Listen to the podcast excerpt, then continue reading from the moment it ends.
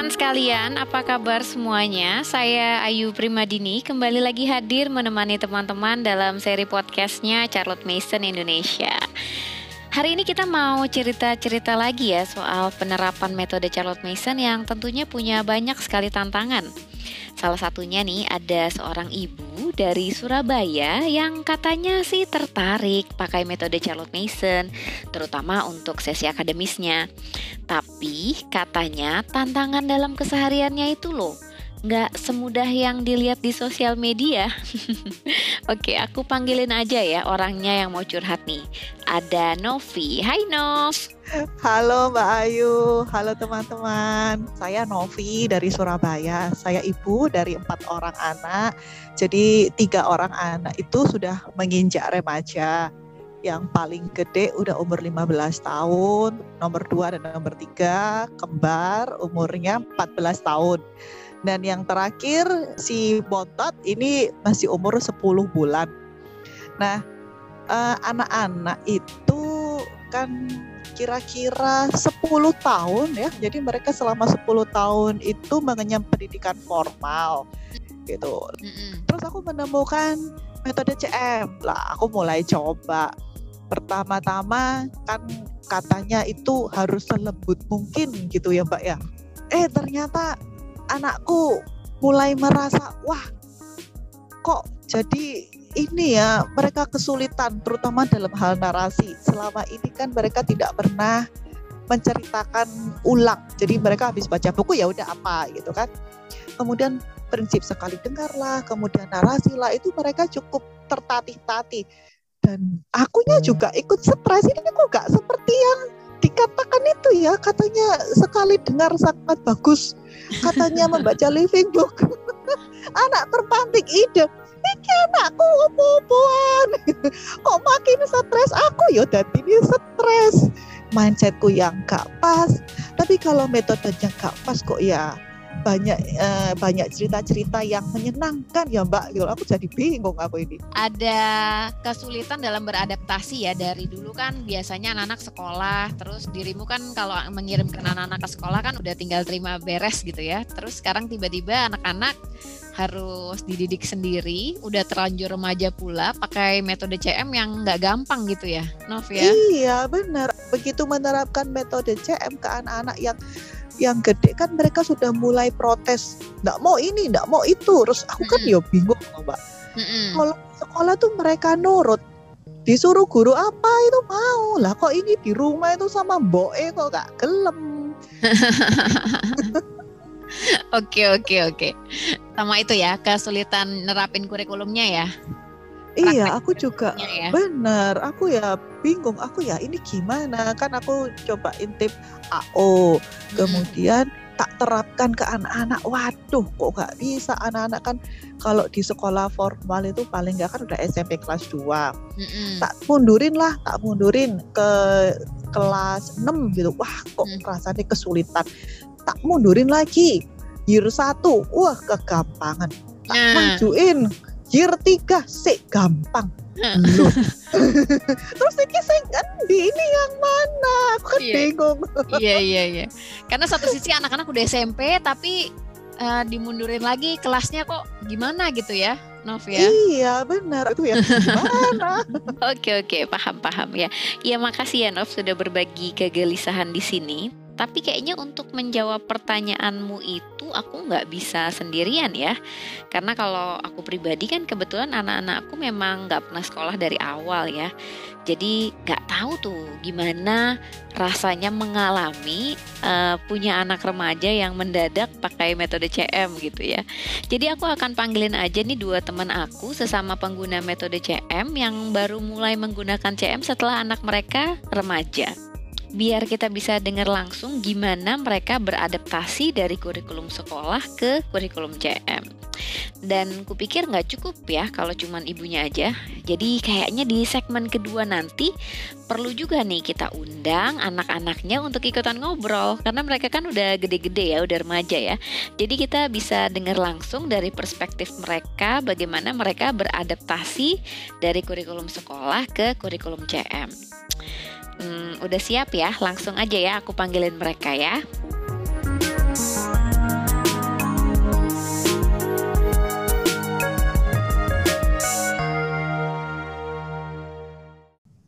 Oke, okay, bersama aku di sini udah ada dua orang ibu yang anaknya agak banyak nih kayaknya. Oke, dan udah udah besar-besar yang pasti anaknya ya. Boleh kenalan dulu nih ada siapa aja di sini? Halo, selamat malam. Aku Ratna, ibu empat anak. Uh, benar Luar katanya Ayu ya? tadi banyak-banyak ya. yang paling gede udah umur 18 tahun, wow. terus yang kedua itu 9 tahun, mm-hmm. yang ketiga 7 dan yang terakhir 4 tahun. Wow, tantangan sekali itu ya. Betul. Aku sudah kenal CM itu sejak tahun 2017. Cuman baru benar-benar mulai fase akademiknya itu di tahun 2018 pas anakku yang pertama itu memutuskan homeschool dan yang kedua baru menginjak usia akademik umur tujuh tahun ya waktu itu dia. Oke, oke, udah udah lumayan besar ya. Berarti waktu itu mulai akademisnya umur 15 tahun. Berapa? 16 tahun. No, ya 16 16 tahun. Sekitar 16 tahun. Wow. Sekitar 16 tahun. Udah gede lulus banget. SMP ya berarti ya? Heeh, uh -uh, lulus SMP. Jadi dia sempat 12 tahun ya mengalami pendidikan formal jadi uh, it's so challenging ya buat okay, okay. aku sebagai praktisi baru baru kenal CM eh anaknya memutuskan homeschool yang tidak diduga-duga sebenarnya. Oke okay, oke okay. seru nih ceritanya nanti kayaknya. Oke okay, yang kedua. Halo semua aku Yanti ibu tiga orang anak uh, Marcel, Leo dan Nikita. Marcel sendiri udah 15 tahun Kemudian ada Leo 14 tahun dan Nikita 7 tahun. Oke. Okay. Aku kenal CM itu sekitar tahun 2012. Waktu itu aku struggle karena waktu kami pindah ke Duri, waktu itu suamiku ditempatkan di pelosok di pedalaman. Uh, anakku mogok sekolah gitu. Dia kesulitan adjust uh, dengan sekolah barunya. Jadi aku mencari memutuskan kan dan tidak ada tidak ada banyak pilihan sekolah yang karena itu di ini ya di pelosok. Jadi aku tidak punya banyak pilihan untuk sekolah tidak seperti di kota besar. Dan akhirnya aku nyari-nyari metode homeschooling apa waktu itu. Dan tertariknya dari buku CYB ya. Uh, kenapa waktu itu ada tulisannya gini, uh, children are born persons gitu kan. Jadi selama ini yang aku ketahui kan sebelum-sebelumnya anak itu ya udah kayak kertas putih, terus kita terus kita uh, terserah deh orang tua ya apa yang kita bisa tulisin gitu. Tapi di di buku itu kan dijelasin bahwa nggak seperti itu, bahwa anak itu adalah pribadi yang utuh, dia punya dia menyimpan citra Tuhan dalam dirinya. Nah, tugas kita sebagai orang tuanya karena si anak ini merupakan jiwa yang terus berproses dan bertumbuh, tugas orang tua yang kita harus mendidik dan mendidiknya itu seperti apa? Ternyata berdasarkan prinsip-prinsip kebenaran. Harus tegas tapi kalem. Nah, itu aku kayaknya dek gitu loh. Selama ini aku ngapain kayak gitu. Itu yang mestinya aku pengen ini ideal banget nih gitu. Waktu itu ya secara teori kayaknya ini bagus banget. Ini yang aku terus aku diskusikan sama suami. Suamiku ya udah kamu coba aja kata dia. Waktu itu suamiku masih kurang uh, apa ya dia membebaskan aku lah karena dia juga nggak ada pilihan kan. Ya udah terserah kalau kamu memang pengen pakai itu pakai aja. Ya gitulah kata dia. Oke, menarik ya. Kalau Ratna, kenapa tuh Rat? Dulu kok tertariknya sama metode CM? Ini karena anak kedua aku ya. Justru anak yang pertama aku rasa dia sudah cukup mapan di sekolah dan ya baik-baik aja gitu kan, nggak ada masalah lah relatif. Jadi memang itu uh, kaitannya sama anak yang kedua karena dia masuk usia TK waktu itu ya. Terus aku tuh uh, memang punya ideal tersendiri bahwa aku nggak mau kalau TK itu dia udah diajarin baca, tulis, maksudnya yang kayak gitu-gitu banget gitu loh. Nah, karena ada kebutuhan itu akhirnya aku cari, cari dan nggak sengaja ketemu di mesin pencari Google ya ada homeschooling homeschooling. Wah apa ini homeschooling? Ya barulah aku uh, kulik-kulik lah yaitu homeschooling itu apa. Sempat pelajarin unschool itu gimana, Montessori itu gimana, terus uh, sampailah juga salah satunya uh, ada rekomendasi salah satu apa metode ini ada Charlotte Mason namanya itu coba baca bukunya Mbak Ellen yang cinta yang berpikir ya udah aku baca hmm. jujur an untuk anakku yang gede aku benar-benar nggak terpikir kalau dia bakal homeschool juga. Aku pikir ya dia akan lanjut sekolah. Nah akhirnya ketemu itu terus merasa kok ini ya uh, cocok ya dibanding metode yang lain? Tuh aku merasa paling paling serak terus merasa paling dekat dengan keseharian kami juga gitu kan. Ya udah akhirnya mantap homeschool dan mantap pakai metode CM yang gede gimana kok? Nah, tiba-tiba sekolah yang, tiba-tiba dari sekolah tiba-tiba mau homeschool? Nah ini juga agak-agak mengejutkan sebetulnya. Jadi aku hmm. tuh suka juga ngobrol sama bapaknya itu kan ada dia juga gitu kan bahwa ya nanti bisa juga homeschool gitu kan. Mm-hmm. ya udah dia deng dia dengerin aja lah. Aku pikir ya cuma denger dengerin aja kan. Mm-hmm. aku kira ya dia nanti SMA ya.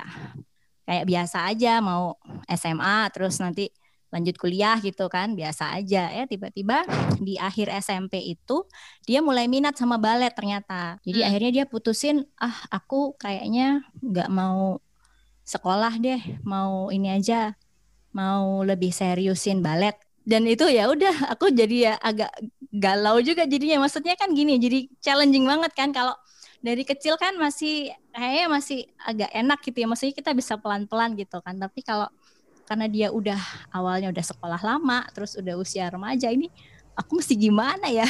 Jadi kalau Mbak Yanti tadi karena pindah kota ya memang nggak punya pilihan lain gitu. Kalau ini anaknya sendiri yang minta ya. Terus kan gini ya kalau uh, dari awalnya sekolah terus tiba-tiba jadi homeschool pakai metode CM pula gitu kan. Mata pelajarannya banyak kurikulum kaya ada proses narasi juga segala macam gitu. Harus nyari living books juga gitu. Nah waktu itu apa sih yang terpikir? Lihat ada akademis metode CM sementara anak ini juga udah terlanjur gede gitu? Uh, jujur seperti yang aku udah bilang tadi awalnya pasti bingung ya. Uh, agak shock juga karena kan aku sendiri itu baru kenal metode ini gitu kan. Di saat yang bersamaan aku baru kenal anakku yang gede decide untuk aku mau homeschool gitu kan. Dan aku sudah pilih metode CM gitu kan.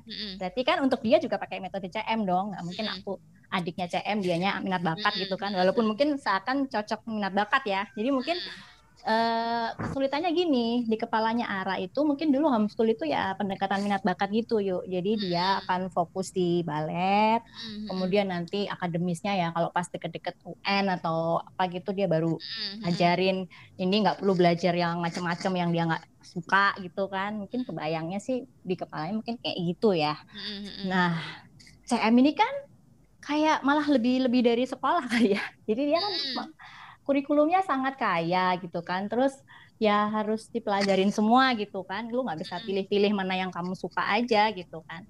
Ya itu terus ada proses narasi pula gitu kan. Jadi mungkin tadi sama seperti Mbak Novi tadi bahwa anak ini kan kalau di sekolah nggak terbiasa single reading kemudian dia narasi. Nah itu kan sesuatu yang baru dan mungkin aneh kan. Jadi apa sih ini aneh banget gitu kan. Aku tuh udah kebayang dia akan seperti itu gitu kan Terus uh, aku tanya Mbak Ellen, aku dulu mikir-mikirnya masih, oh kali kalau narasi tertulis masih oke okay kali ya dia masih nyaman lah ya kalau narasi tertulis. Tapi aku tanya, ini kalau baru mulai udah masih usia udah remaja, kira-kira bisa nggak langsung loncat ke narasi tertulis? Padahal kan kalau narasi itu kan ada tahapannya ya oral dulu, baru tulis, baru nanti uh, bikin esai gitu kan. Oh, kalau baru mulai usia berapapun ya tetap harus diperkenalkan oral dulu.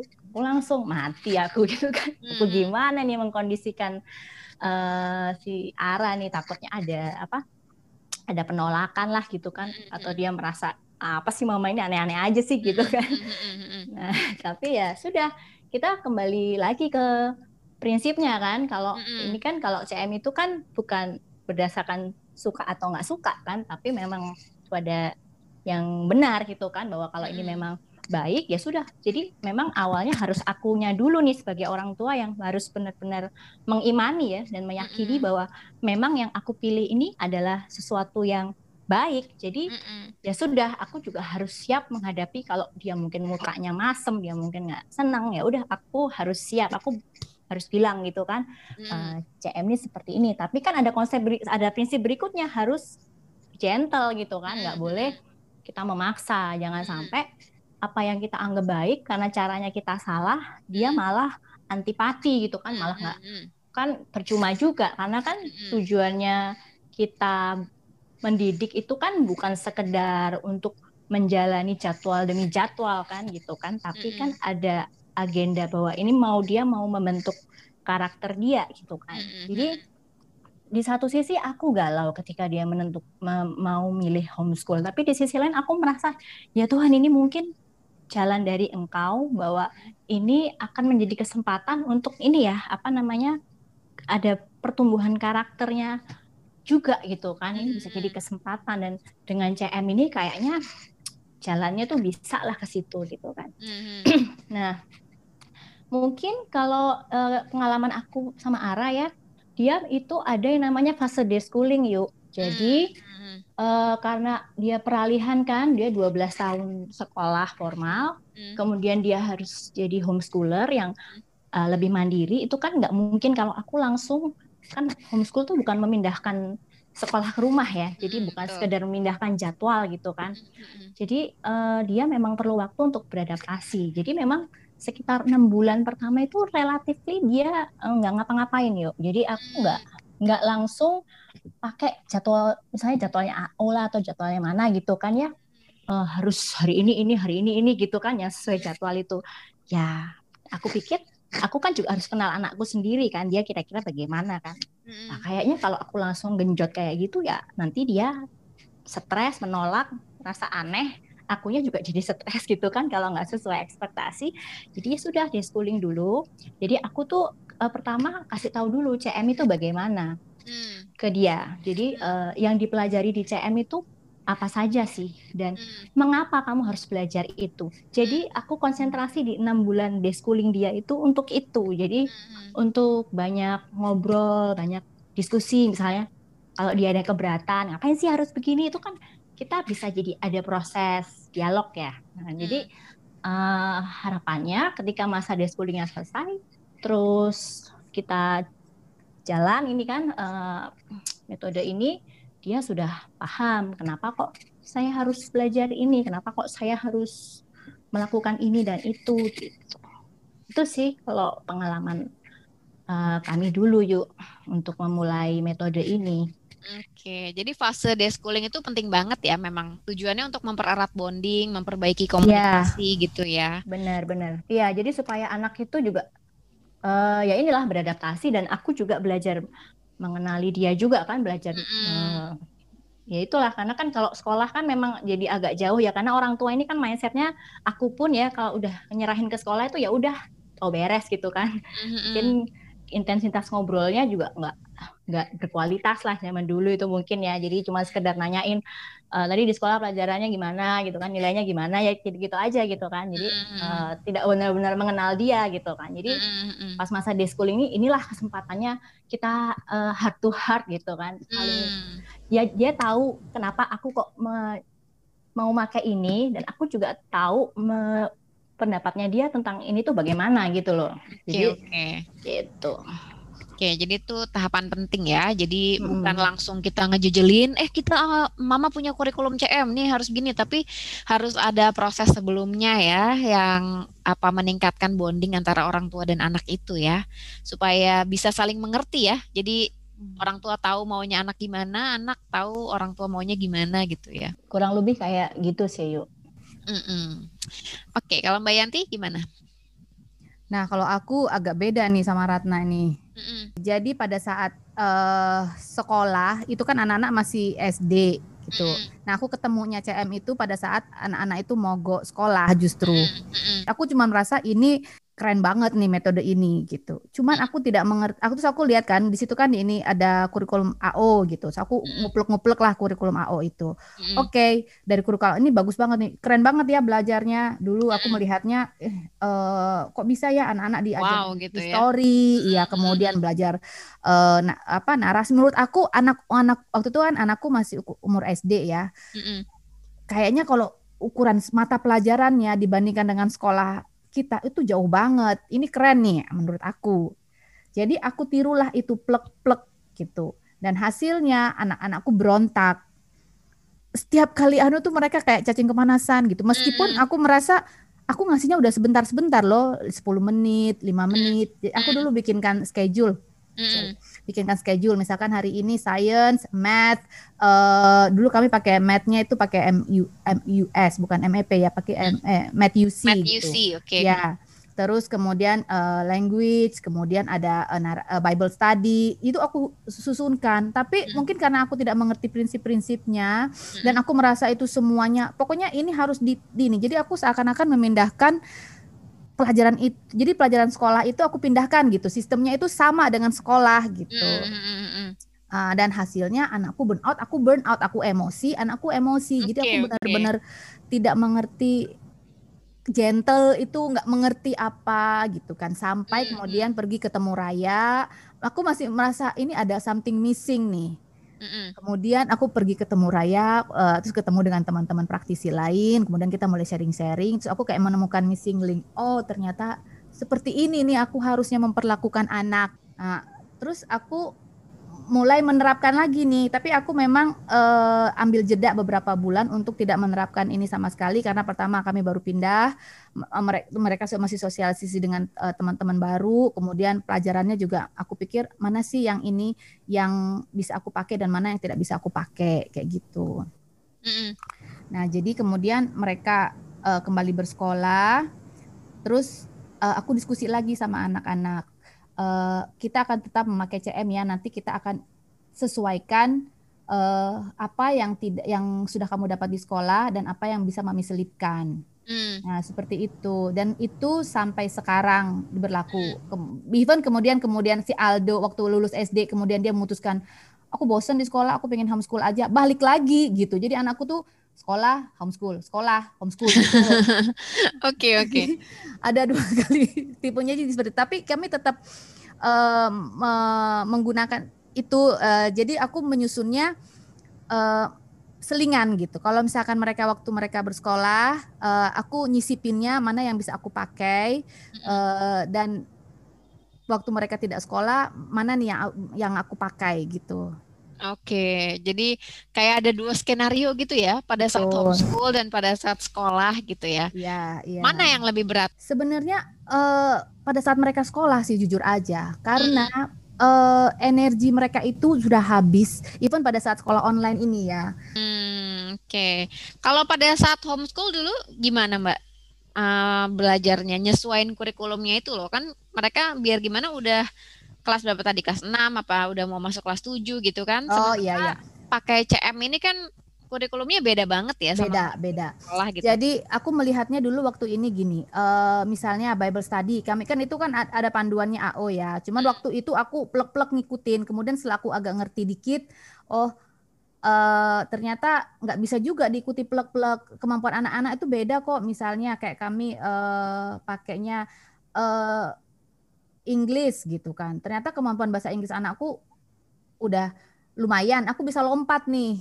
Nggak hmm. pakai year, nggak ngikutin di year, year ini ya bisa ngikutin. Oh kita berarti bacaannya untuk ini misalkan di year satu itu ada atau year 2 itu ada bacaan misalkan eh, apa kemarin itu ya Thor and Fraud gitu kan. Oh ternyata dia terlalu mudah itu buat dia. Hmm. Lompat aja ke bacaan yang lebih tinggi misalnya Charlotte Web atau ke ke yang lain gitu. Hmm. Jadi aku lompat-lompat mana yang kira-kira ini cocok untuk dia dan dia masih bisa terima yaitu yang aku masukkan gitu.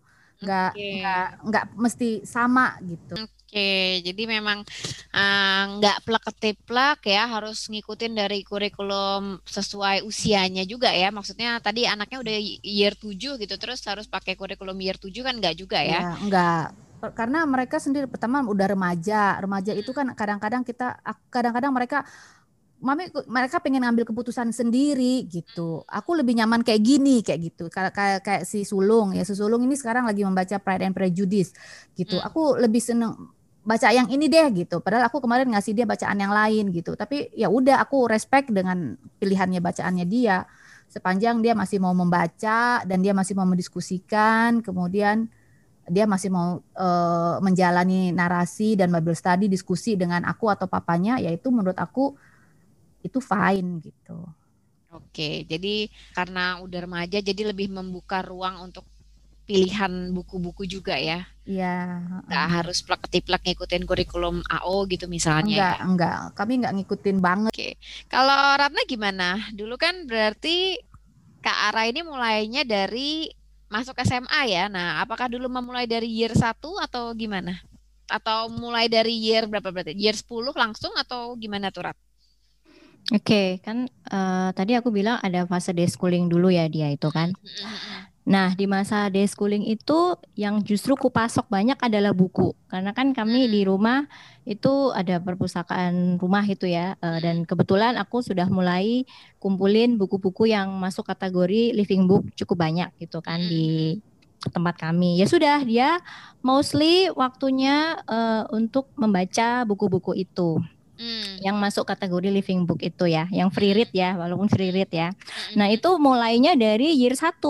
Buku-buku hmm. year 1 dia coba baca ya. Ya yang karena dia Little House gitu-gitu. Uh, uh, jadi lebih biar dia dapat rasanya dulu kan living book ini kayak apa. Karena kan jujur uh, Ara ini suka baca dari kecil suka baca dan kami ada budaya membaca yang cukup baik tapi ya itu buku-bukunya bukan buku living ternyata buku tweedle gitu kan dan it, which is itu baru aku tahu setelah CM, kenal CM. sebelumnya aku pikir pokoknya udah baca buku udah oke okay dong ya gitu kan. Ternyata nggak kayak gitu. Jadi ya udah di masa deschooling itu uh, dia banyak kupasok dengan buku. Jadi setiap hari ya dia pasti baca buku mulai dari buku-buku yang lucu-lucu yang kayak Charlotte Web, Pinocchio, Peter Pan itu dia baca. Jadi biar dia dapat rasa bahasanya gitu kan oh oh living book tuh kayak gini gitu kan ya udah terus uh, dan masih bebas ya Ram ya belum diminta narasi atau apa ya belum, belum, belum diminta narasi. Mm-hmm. Jadi masih bebas, tapi uh, dia suka uh, ceritain juga sih apa namanya, apa sih ceritanya. Jadi ya suka buat bahan diskusi kami juga kan memang waktu itu memang uh, ya bonding tadi kan ya yuk. Jadi salah satunya ya kami dengan mendiskusikan buku-buku ini ceritanya apa sih gitu kan. Terus yang berkesan buat kamu apa sih ya sesederhana itu saja gitu kan. Mm. Tapi karena memang dia sudah ada modal suka baca, suka buku, ya jadinya cepet yuk. Jadi walaupun mulai dari year 1 itu dia lahap itu dengan cepat. Jadi akhirnya dia pun sampai di buku yang harus usianya dia gitu kan. Uh, semacam seriesnya Jane Austen gitu kan dia uh, hmm. akhirnya sampai ke situ juga gitu kan. Uh, itu uh, kalau untuk pelajarannya sendiri karena memang dia itu nggak pernah uh, selalu kenalnya buku teks aja kan ya uh, hmm. cara belajarnya. Hmm. Aku mulai dari buku year 1 yuk untuk uh, kayak hmm. sejarah aku pakai Child History of the World terus kayak science aku pakai A Child Book of Nature kayak gitu ya. Jadi itu maksudnya buku-buku yang tingkat dasar ya. Uh, sebetulnya geografi aku pakai buku lokal kayak apa uh, kepulauan Nusantaranya Walasea gitu ya. Jadi uh, memang aku sama sekali nggak terlalu mau ngeplek sama AO punya ya, karena aku hmm. merasa aku tahu fasenya anakku sendiri dan aku nggak mau merusak itu hanya demi uh, mengejar target harus year sekian year sekian itu itu bukan goalnya aku menurut aku hmm. karena goalku itu lebih uh, ke karakternya dia gitu kan uh, sama akhirnya juga aku merasa walaupun mulai dari year satu kan kalau yang namanya living book itu powerful banget ya dia kan naratif banget gitu kan Betul. aku uh, justru merasa terberkatinya ya karena pakai CM ini ya dan untuk anakku yang remaja karena kami diskusinya tektoknya lebih enak akhirnya aku tuh ngerasa jadi kawan seperjalanan bener-bener loh yuk sama dia hmm. itu jadi uh, dan yang bertumbuh aku rasa bukan hanya dia mungkin ya tapi aku sendiri karena aku tuh nggak pernah nggak mungkin nggak nggak tahu lah oh ternyata pelajaran bisa dibuat seindah ini ya dengan buku-buku ini ya jadi kayak dan dia pun uh, akhirnya juga jadi suka banget sama sejarah gitu ya. Jadi uh, jadi itu buku itu sangat memantik dia gitu ya. Jadi akhirnya dia pun karena udah gede ya akhirnya dia bisa nyari ngulik-ngulik sendiri buku-buku macam biografi tokoh atau apa gitu. Jadi ke mana-mana itu akhirnya dia sendiri kan yang explore gitu. Jadi aku hmm. nggak merasa khawatir walaupun dia mulai dari year 1 yang penting kami kayak prinsip single reading, kemudian dia narasi itu bisa berjalan gitu kan. Jadi awalnya memang uh, yang aku khawatirkan itu tidak terlalu terjadi. Yuk, aku kan sempat berpikir, wah kalau dia disuruh narasi oral nanti dia akan menolak atau gimana gitu kan ya, merasa hmm. aneh. Hmm. Tapi mungkin karena ada proses schooling tadi dan pelan-pelan lewat dibangunnya lewat diskusi, dia tidak merasa itu jadi sebuah apa ya kewajiban ya. Tapi ya udah kami ngobrol aja konteksnya gitu kan ngobrolin apa yang tadi dia baca gitu kan jadi mm-hmm. jadi uh, kayak ya memang lebih smooth ya jadinya ya mm-hmm. jadi dia narasi oral itu beberapa bulan pertama terus dia meningkatnya memang tidak terlalu lama ya uh, itu dia kemudian mulai narasi tertulis juga nah, terus dia juga kayak bikin ini tiap minggu itu dia kayak bikin jurnal gitu yuk. Jadi hmm. dia bikin review buku juga. Jadi apa yang dia baca itu aku minta dia untuk bikin reviewnya ya. Jadi hmm. tiap minggu. Tapi narasi oralnya tetap berjalan even sampai sekarang. Jadi setiap hari dia sekali pasti dia narasi oral sama aku apa yang dia baca. Salah satu atau uh, sekarang udah dua buku ya yang kami diskusikan tiap hari ya untuk dia oral ya. Selebihnya yang lainnya dia tertulis ya sama lewat jurnal mingguannya itu. Jadi jurnal mingguan itu isinya dia review buku yang dia baca minggu itu. Terus isi apalagi berita apa yang uh, berita nasional, berita internasional apa minggu itu, isu apa gitu kan. Buku peristiwa ya. Hmm, peristiwa ya. Terus sama ini pengalaman yang seru apa maksudnya yang mengesankan di minggu tersebut gitu. Jadi uh, untuk latihan menulis kreatifnya dia di situ di situ juga jadi aku uh, kayak dia belajar grammarnya apa saya tata bahasa itu lewat jurnalnya itu jadi momen aku oh ini kamu harusnya kamu masih sering typo nih atau tanda bacanya harusnya kurang tepat nih kalau kayak gini jadi uh, kayak gitu aja nggak nggak bukan sesuatu yang formal uh, jam sekian pelajaran tata bahasa gitu nggak nggak kayak gitu jadi uh, mengemasnya mengemasnya seperti itu kalau di hmm buat arah ya. Terus kalau kayak nature walk sebenarnya ini agak yang agak susah buat dia itu yaitu nature walk sama puisi. Hmm. Ah, ini dia uh, cukup aku sih melihat dari ekspresinya dia itu setiap kali kok ajak itu kayak apa sih ini gitu kan walaupun dia tidak biasa ya hmm walaupun dia tidak menolak ya hmm. uh, anaknya enggak pemberontak sih kebetulan untungnya ya hmm.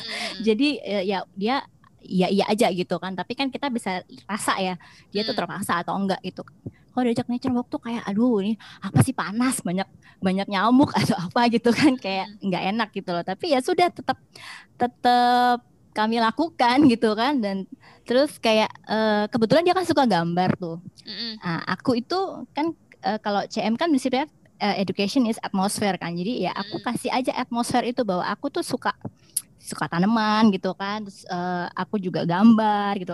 Terus dia lihat ya udah dia dia ikut gambar gitu kan dia ikut bikin jurnal ya udah berlangsung seperti itu saja sih uh, mengalir aja gitu hmm. uh, untuk sehari harinya dan karena dia udah gede waktu deschooling kan dia udah aku kasih tahu tuh hmm, subjeknya CM tuh apa aja. Nah terus yang bikin jadwal itu dia sendiri yuk. Jadi hari ini aku hmm uh, pelajarannya apa-apa aja pokoknya masuk semua gitu kan. Aku cek udah masuk semua. Terus nanti tinggal kita diskusikan buku-buku apa yang mau dia pakai itu kita diskusinya berdua. Jadi uh, udah kesepakatan di awal term gitu oh nanti kamu untuk subjek ini pakai buku ini kayak gitu aja. Jadi terus nanti tinggal jalan aja.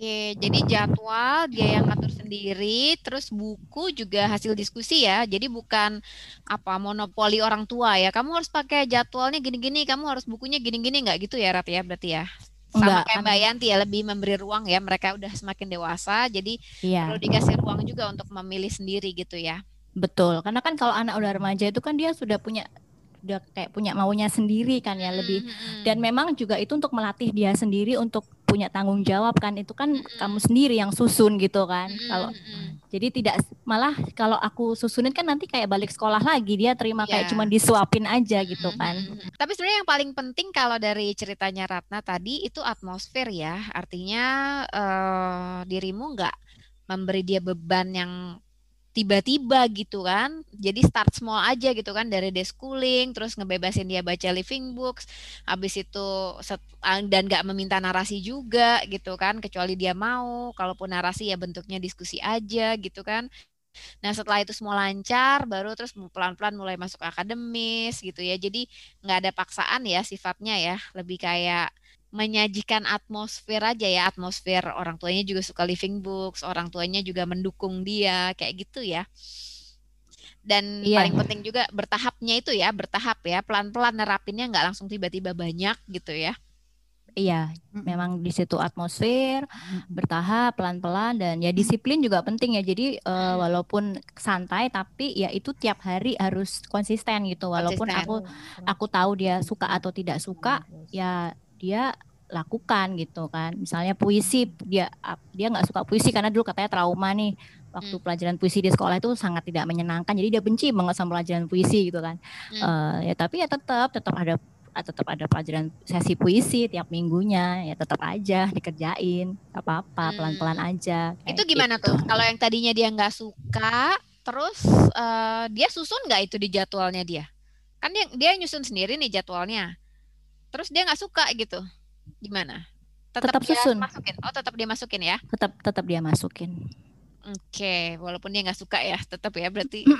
Karena kan latih sekali. ngelatih willnya dia juga kan. Aku bisa kasih tahu ya. Ini aku tuh memang dari awal udah kasih tahu memang ini ya kita sama-sama berlatih bukan hanya kamu tapi aku juga. Jadi mungkin itu jadi kita belajar sama-sama ya. Ra. Mama juga kadang juga masih suka berat nih, pengen ini padahal itu mungkin bukan yang mama butuh ya. Jadi lebih kayak gitulah sering-sering ngobrol heart to heart kayak gitulah. Sebenarnya kayak gitu habit of obedience juga udah kebentuk ya. Jadi lebih gampang ya ketika anak tahu bahwa sebenarnya yang diminta orang tua ini untuk kebagi, kebaikannya dia juga gitu kan.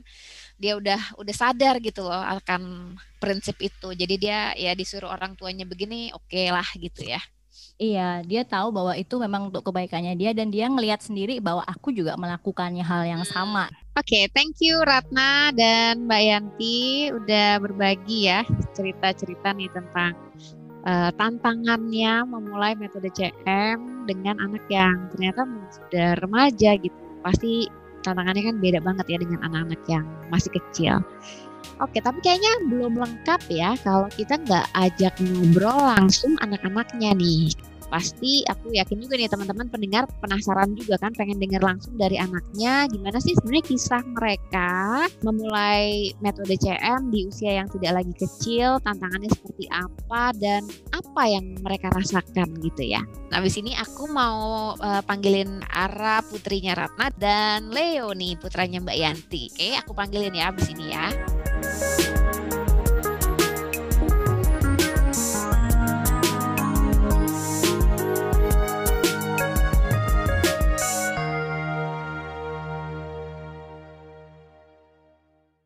Oke, jadi bersama aku sekarang udah ganti nih, udah bukan ibu-ibunya lagi, tapi udah ganti jadi anak-anaknya. Coba ada siapa aja? Boleh kenalan dulu dong. Halo semua, namanya nama saya Leonardo Radia Putra, umur saya 13 tahun dan saya tinggal di Pekanbaru. Halo semuanya, nama aku Ara, aku umur 18 tahun, saat ini tinggal di Jakarta. Oke, wah 18 tahun dan 13 tahun. Jaraknya jauh nih ya.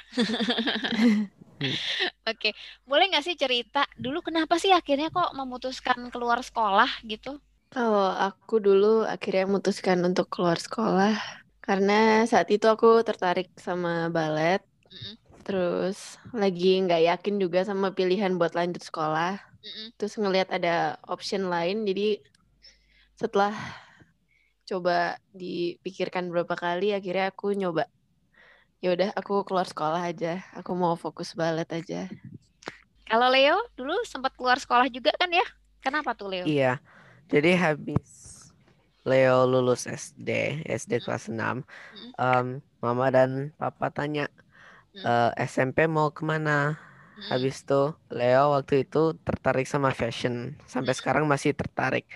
Uh, jadi waktu itu Leo bilangnya mau fokus fashion dulu. Jadi Leo uh, atas keinginan sendiri uh, milih homeschooling.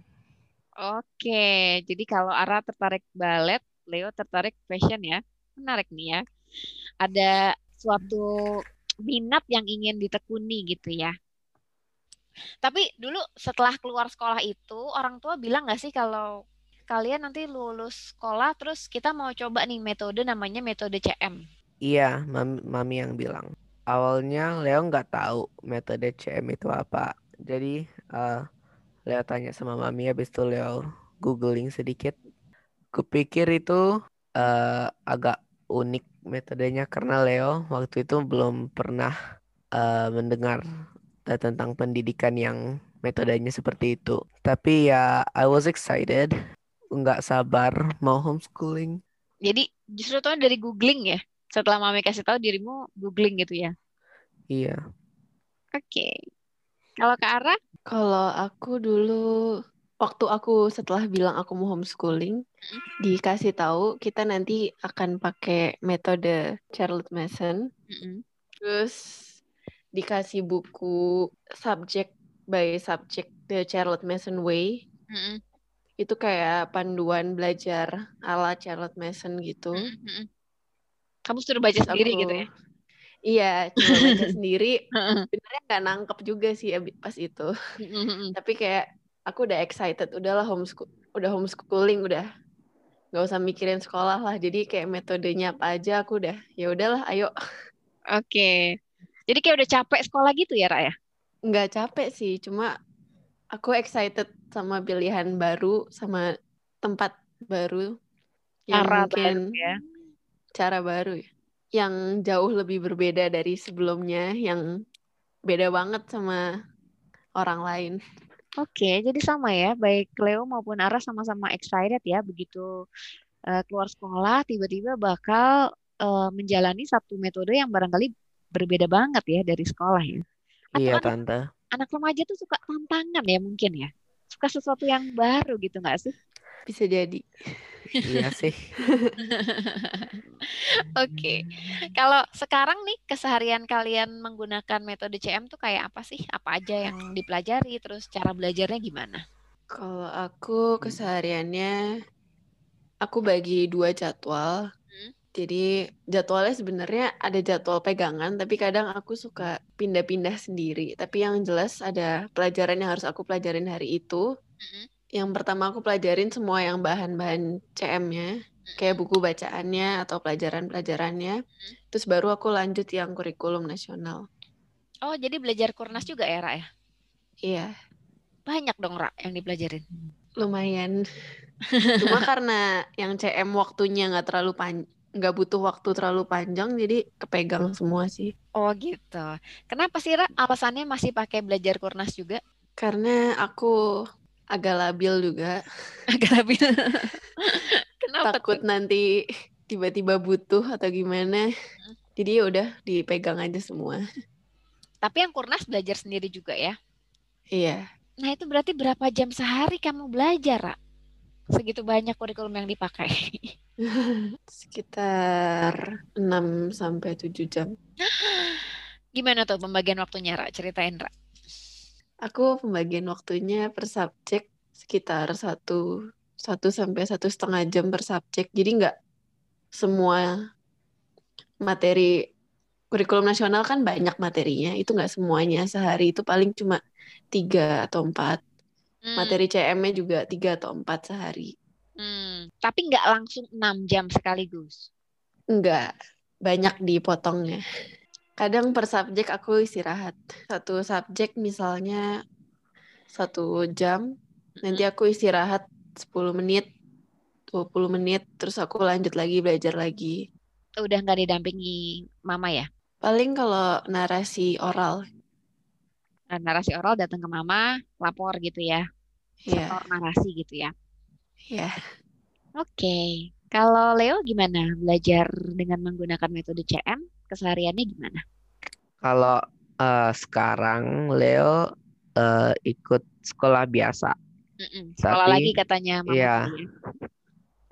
Tapi setelah sekolah di waktu luang, mm terutama biasanya malam setelah makan malam dan beresin dapur, masih menerapkan metode CM. Jadi kita tetap baca living books, melakukan picture study dan Bible study, mm-hmm. dan sering nature walk di sore hari atau di weekend. Mm-hmm. Dan CM metode CM ini Leo suka sekali karena kalau pakai metode CM itu we were taught to learn anything from everything. Mm-hmm. Jadi di mana kita berada itu kita bisa belajar sesuatu Mm. Jadi kalau misalnya kita traveling, picnic atau uh, misalnya ini, ini sebelum corona waktu kita ke Bandung itu Hmm. eh, ke mana pun kita pergi itu kita selalu memperhatikan hal-hal seperti tanaman-tanaman, pohon-pohon. Itu itu salah satu alasan karena Leo su- kenapa Leo suka banget. Oke, kalau gitu tadi di bisa dibilang kan ya eh, pelajaran akademis kalian lumayan panjang gitu ya. Tadi Leo sambil sekolah di siang hari, habis itu malam eh, belajar sama mama gitu kan, belajar pakai kurikulum CM. Tadi Kak Ara juga gitu kan, belajar CM juga, belajar Kurnas juga, bisa sampai 6 sampai 7 jam gitu kan belajar akademisnya gitu. Kalian masih punya waktu nggak sih di luar sesi akademis? Dan kalau ada waktu di luar sesi akademis itu biasanya ngapain aja? Banyak sih waktu luang. Mm-mm. Eh, itu kalau sambil waktu luang itu Leo menggambar, berkebun, main sama Nikita. Ini kita adik ya. Iya, iya adik. Jadi Hmm. apa pun yang Leo lakukan itu menggambar atau main atau berkebun itu Leo selalu ajak adik. Wah, kamu kakak yang baik sekali. Kalau Kak Ara gimana? Di luar sesi akademis biasanya ngapain aja? Kalau aku yang jelas balet. Hmm. Terus karena aku suka learning something new Hmm. dan aku fast learning, Hmm. jadi aku suka ngelakuin apa aja yang aku lagi hobi saat itu. Dan Misalnya, selalu ganti-ganti. misalnya apa misalnya? Eh, akhir-akhir ini lagi suka crochet. Hmm. Jadi waktu luang kebanyakan bikin crochet. Hmm. Eh, sebelumnya aku suka suka bikin kue. Jadi sering bantuin mama bikin kue. Mm-mm. Jadi ngelakuin apa aja yang aku lagi suka saat itu waktu kosongnya. Jadi meskipun jam akademismu cukup panjang, masih punya waktu ya untuk melakukan hal-hal yang kamu suka ya. Iya. Oke. Eh, kalau soal narasi gimana sih? Kalian waktu pertama kali narasi itu merasa kesulitan nggak sih dengan narasi? Enggak. Nah, menurut Leo ya, ya, waktu pertama kali narasi Mm-mm. eh, sama Mami itu dulu sama Marcel. Hmm, kakak ya. Em, iya, kakak. Narasi itu cukup gampang. Mm-mm. Eh, Mami, Mami biasanya eh, bacanya eh, satu paragraf, satu paragraf. Habis itu eh, kita menceritakan ulang. Jadi nggak terlalu susah sih. Karena Leo suka cerita juga mungkin ya. Iya, Oke. Kalau Kak Ara gimana? Wak- Waktu pertama kali banget narasi itu, jujur aku nganggep itu kayak ini apaan sih, males banget. Terus Dan terus. aku kan dulu sekolah kan, jadi nggak biasa kan, kayak nyeritain kayak ngapain sih, kayak nyeritain ke guru aja kayak nggak pernah kan. Mm-mm. Biasanya ngerjain soal aja ya kak ya. Iya, ngerjain soal. Terus kayak event ngobrol atau cerita keseharian di sekolah aja tuh jarang sebenarnya. Karena aku males aja cerita-cerita gitu. Mm-mm. Terus begitu pakai Charlotte Mason harus narasiin buku ini terus ya udah aku bener-bener kayak ngafalin terus kayak ujian Mm. Terus ya udah akhirnya dibalik lah langsung kayak ditanyain gitu jadi urutannya habis ini gimana kan kamu tadi ngafalin kan Ketahuan gitu ya sama mama ya kalau itu ngafalin ya. iya Terus terus. terus ya udah terus ya udah aku jalanin aja aku coba gimana sih sebenarnya caranya Mm. harusnya tuh gimana Mm. terus sebenarnya sebenarnya narasi lama-lama cukup menyenangkan Mm. karena aku jadi lebih inget ceritanya gimana terus Hmm. jadi bisa diskusi dari apa yang aku baca itu Mhm. jadi ya sama kayak Leo jadi narasi itu kira jadi mudah dan menyenangkan Oke, tapi bedanya tadi kalau Leo awalnya dari awal udah mudah gitu, kalau ke arah sempat struggling juga ya sampai benar-benar akhirnya suka narasi ya. ya Tapi tadi Kara, kalau tadi kan kata Mama ya, Kara biasa ngatur jadwal sendiri, terus eh, walaupun ada pelajaran-pelajaran yang memang Kara sebenarnya nggak suka gitu sebelumnya kayak puisi gitu kan, katanya Kara nggak suka, tapi tetap masukin aja gitu. Itu kenapa sih Kara?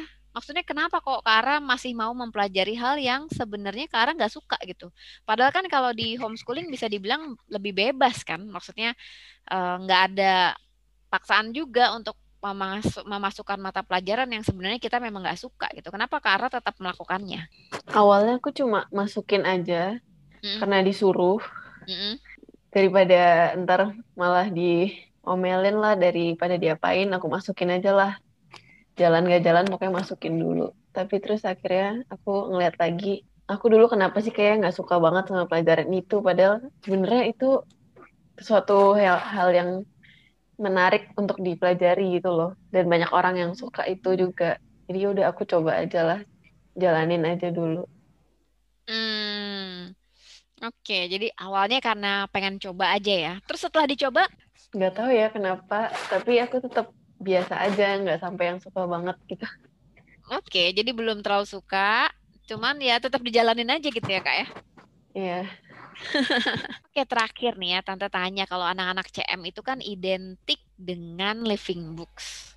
Kalau kalian living books favorit kalian apa sih sejauh ini? Uh, jadi sekarang Leo lagi tertarik uh, tertarik dengan buku-buku yang menceritakan tentang Perang Dunia II kedua, um, terutama peristiwa Holocaust. Wow. Jadi uh, Leo baru selesai membaca The Boy in the Striped Pajamas dan Number the Stars.